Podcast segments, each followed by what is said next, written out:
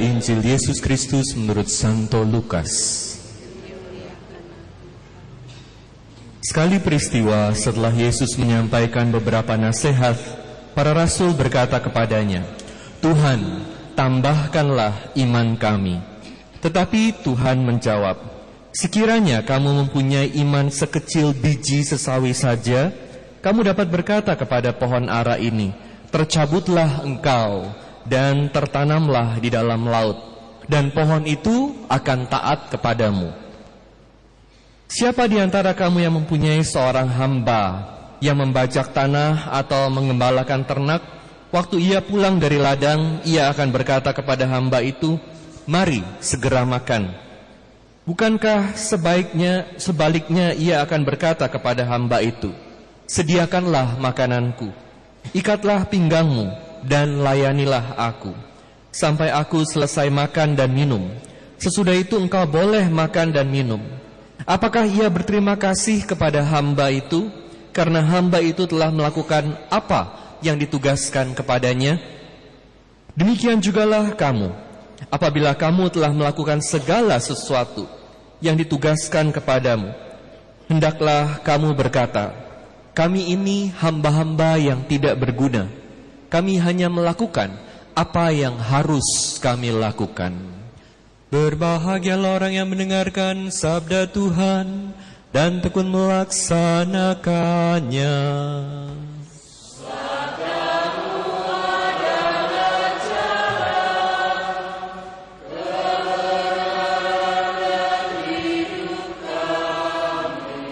Demikianlah Injil Tuhan.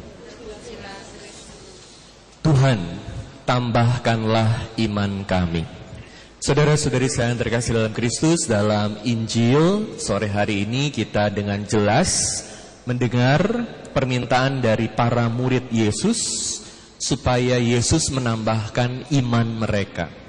Oleh karena itu sore hari ini saya memajak Anda untuk merenungkan tema tentang ini iman ini secara lebih dalam. Kenapa kita perlu beriman? Ada tiga hal yang iman itu bawa kepada kita. Pertama, iman membawa mujizat. Kedua, iman membawa pedoman hidup. Dan ketiga, iman membawa kita pada hidup dalam kasih. Mujizat, pedoman hidup, dan kasih. Kenapa iman ini membawa kita pada mujizat? Dengan sangat jelas dikatakan dalam Injil sore hari ini. Sekiranya kamu mempunyai iman sekecil biji sesawi saja, kamu dapat berkata kepada pohon ara ini, tercabutlah engkau dan tertanamlah di dalam laut. Tentu di sini kita lihat satu hal yang tidak biasa. Pohon ara ini punya akar yang dalam dan besar serta menjarak ke mana-mana. Tapi pohon ara ini dengan iman kita bisa dengan mudah tercabut. Ini tidak mudah artinya apalagi tertanam di laut. Tentu ini satu hal yang tidak mungkin secara manusia. Oleh karena itu, ketika kita beriman, kita diingatkan iman membawa kita pada mujizat. Apa artinya mujizat? Mujizat adalah hal-hal supranatural, adikodrati yang terjadi dalam diri kita. Kalau kita sebagai manusia ada hal-hal yang Tuhan sudah berikan kepada kita untuk bisa punya hidup yang baik. Apa yang Tuhan sudah berikan pada kita? Akal budi, kemampuan untuk berpikir dan berkehendak. Sehingga dengan akal budi dan kehendak kita bisa bersikap dengan baik dalam hidup. Kita bisa lakukan banyak hal. Manusia bisa ciptakan banyak hal. Makanya hidup kita jadi lebih mudah dengan berbagai ciptaan manusia sekarang. Namun demikian, tetap ada hal-hal yang manusia tidak bisa kerjakan dan lewat doa Tuhan bisa lakukan mujizat. Jadi, mujizat ini nyata. Makanya kalau ada proses supaya orang yang sudah dikenal kudus ini bisa jadi santo, harus ada mujizat-mujizatnya. Dan mujizat-mujizat ini diselidiki oleh para ahli dan dinyatakan sebagai satu hal yang bukan manusia yang bisa lakukan. Jadi ini hal yang luar biasa. Apa contohnya? Sakit kanker otak. Tiba-tiba dengan satu kali doa sembuh. Orang buta pergi ke Lourdes. Dicuci matanya dengan air Lourdes sembuh. Bagaimana hal ini bisa dijelaskan dengan dunia kedokteran? Dokter juga bingung jelaskannya. Secara medis ini di luar kemampuan manusia, di luar penjelasan medis untuk jelaskan. Tapi hal-hal seperti ini terjadi atau tidak? Terjadi. Dan banyak sekali hal ini terjadi. Kita perlu terus percaya bahwa dalam hidup Allah itu bisa langsung intervensi. Kuasa Allah bisa terjadi dalam hidup manusia, dalam hidup kita. Dan tentu ini nggak perlu pergi ke Lourdes, nggak perlu pergi jauh-jauh. Saat ini juga dalam Ekaristi, kalau anda sakit, mohon pada Tuhan untuk disembuhkan. Atau ada masalah keluarga yang begitu rumit, sulit untuk diselesaikan, ributnya besar sekali, nggak tahu bagaimana selesaikan. Doa, mohon mujizat dari Tuhan. Bisa diselesaikan. Masalah kantor, bingung. Selama berapa bulan nggak ada penjualan. Mohon mujizat dari Tuhan. Bisa terjadi. Karena mujizat itu bukan kuasa manusia yang tentukan. Tapi kuasa Tuhan. Dan kita sudah diingatkan dengan iman hidup kita bisa mengalami mujizat. Poin yang kedua, kalau ada mujizat dalam hidup, lalu Romo, buat apa kita kerja capek-capek? Jadi kita doa terus saja, harapkan supaya mujizat yang terjadi. Gak bisa. Di bagian kedua dari Injil hari ini, sesudah para murid mohon kepada Tuhan, tambahkanlah iman kami. Dan Tuhan sudah sampaikan dengan iman ada mujizat. Apa yang Tuhan katakan selanjutnya? Tuhan katakan selanjutnya bahwa kita ini adalah hamba-hamba yang harus menjalankan tugas yang diembankan dari tuannya. Itu artinya apa? Iman ini berarti kita percaya kepada yang memberi kita hidup.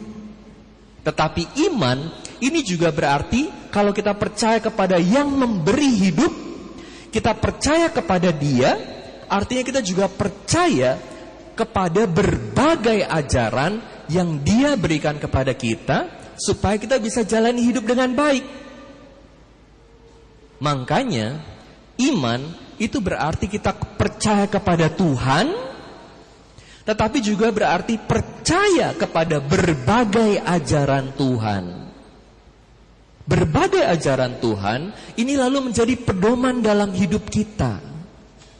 Kan sering kali kalau kita doa, mohon supaya iman kita ditambahkan, kita mau supaya berbagai masalah kita diselesaikan secara mujizat.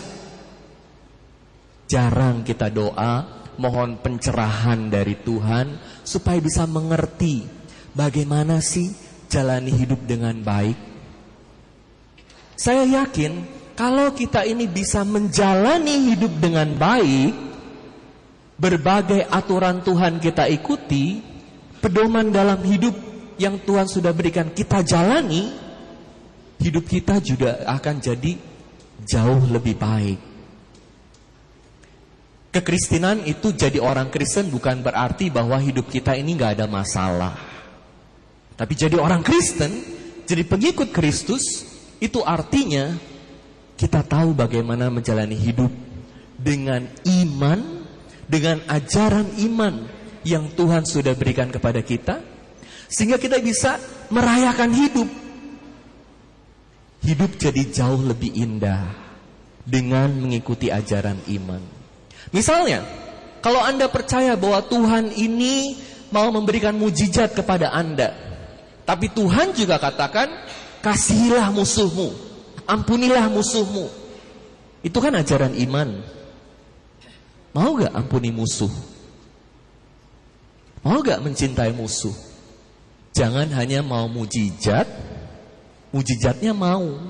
Tapi pulang ke rumah udah mulai marah-marah sama suami, sama istri. Mulai ngegosipin orang lagi. Mulai lakukan hal-hal yang tidak baik.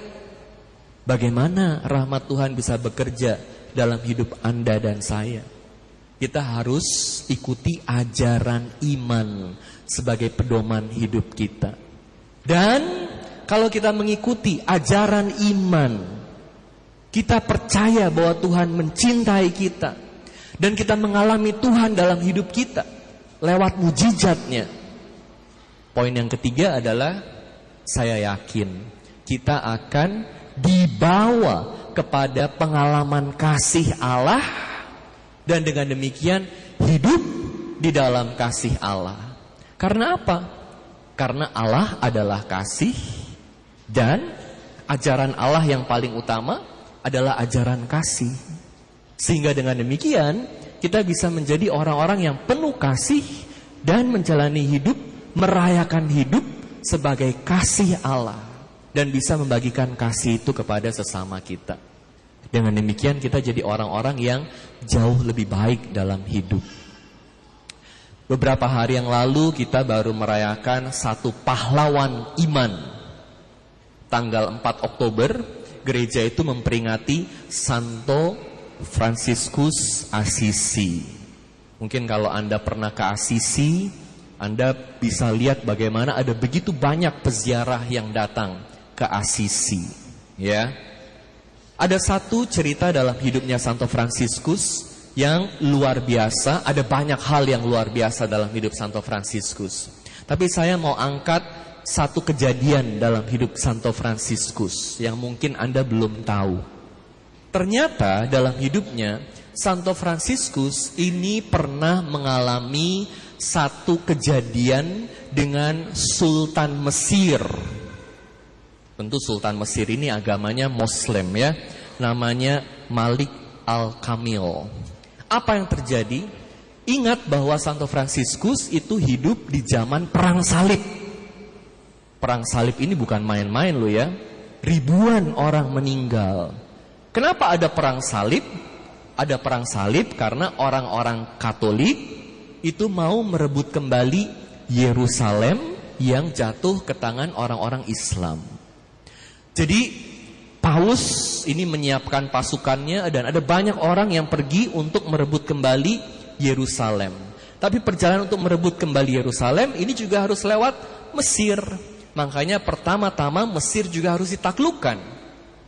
Santo Fransiskus di tahun 1219 ikut dengan pasukan perang salib, tapi bukan karena mau mensupport perang salib, tapi justru karena mau mengatakan kita jangan pakai jalan kekerasan untuk bisa menang. Kita harus pakai jalan kasih. Tentu saat itu para tentara ketawain Santo Fransiskus, jalan apaan itu? Itu lemah namanya. Tapi Santo Fransiskus menghidupi ajaran Injil. Jadi waktu tentara ini datang ke satu kota namanya kota Damasia, mereka mau merebut kota itu, mereka akhirnya kalah. Dikalahkan, nggak bisa merebut, tapi mereka tetap di situ. Santo Fransiskus punya inisiatif untuk datang ke Sultan. Jadi dia seberangin bordernya, border perang, dia terobos, Waktu dia terobos tentu dia ditangkap oleh tentara-tentara Mesir. Dipikir apa ini? Ini mau jadi mata-mata atau bagaimana? Dia disiksa, dianiaya, tapi syukur pada Tuhan tidak dibunuh, kemudian dibawa kepada sultan. Sampai ke sultan, ditanya sama sultan, siapa yang kirim kamu? Santo Fransiskus bilang, saya bukan dikirim oleh manusia, saya dikirim oleh Tuhan. Kamu mau ngapain ke sini? Saya mau bawa damai. Saya mau bawa keselamatan buat Anda. Damai Tuhan beserta Anda. Kaget sultannya. Kok kata-katanya begitu membawa damai? Kenapa Santo Fransiskus bisa begitu berani? Dan kenapa Santo Fransiskus itu bisa mengatakan hal yang penuh damai? Itu karena Santo Fransiskus selalu hidup dalam iman selalu hidup dalam damai. Dan ternyata perkataan itu mengubah rasa dari sang sultan kepada Santo Fransiskus. Jadi Sultan bilang, oke, okay, mari kita bertukar pikiran mengenai Tuhan. Bayangin, dalam kondisi perang salib, seorang Sultan mau dengarkan seorang rohaniwan, Santo Fransiskus. Ini satu hal yang sangat-sangat tidak biasa. Mereka mulai cerita, tukar pikiran. Santo Fransiskus tinggal bersama Sultan selama beberapa hari. Sesudah tinggal beberapa hari, Santo Fransiskus diizinkan untuk balik dan diizinkan untuk pergi dulu ke Yerusalem. Kemudian Santo Fransiskus pergi ke Yerusalem dan balik lagi kembali ketemu sama tentara-tentara yang mau rebut kota Damaskia ini. Dia udah bilang, jangan, jangan lewat jalan kekerasan. Tapi tentu tentara-tentara Kristen gak mau dengerin Santo Fransiskus. Mereka terus perang. Akibatnya satu hari benar-benar mereka itu bisa ditangkap oleh tentara-tentara Mesir. Tapi karena Sultan Mesir sudah jadi temennya Santo Fransiskus, tentara-tentara Kristen ini nggak dibunuh, malah dilepasin, boleh pulang, dikasih makan, dan diperlakukan dengan sangat baik. Ini adalah satu tanda persahabatan yang sangat baik. Fransiskus tidak mempertobatkan Sultan, tapi Fransiskus jadi teman baik dari Sultan. Kenapa bisa terjadi demikian? Ini karena sekali lagi Santo Fransiskus hidup dalam iman. Bagaimana dengan kita semua? Saya yakin undangannya sama buat Anda dan saya. Hiduplah dalam iman. Dan doa kita sama. Tuhan tambahkan iman kami supaya sungguh-sungguh mujizat Tuhan menjadi bagian dari hidup kita. Pedoman dari Allah juga kita bisa ketahui dan dengan demikian kita makin hari bisa semakin hidup menyerupai Allah, hidup dalam kasih Allah. Tuhan, tambahkanlah iman kami. Amin.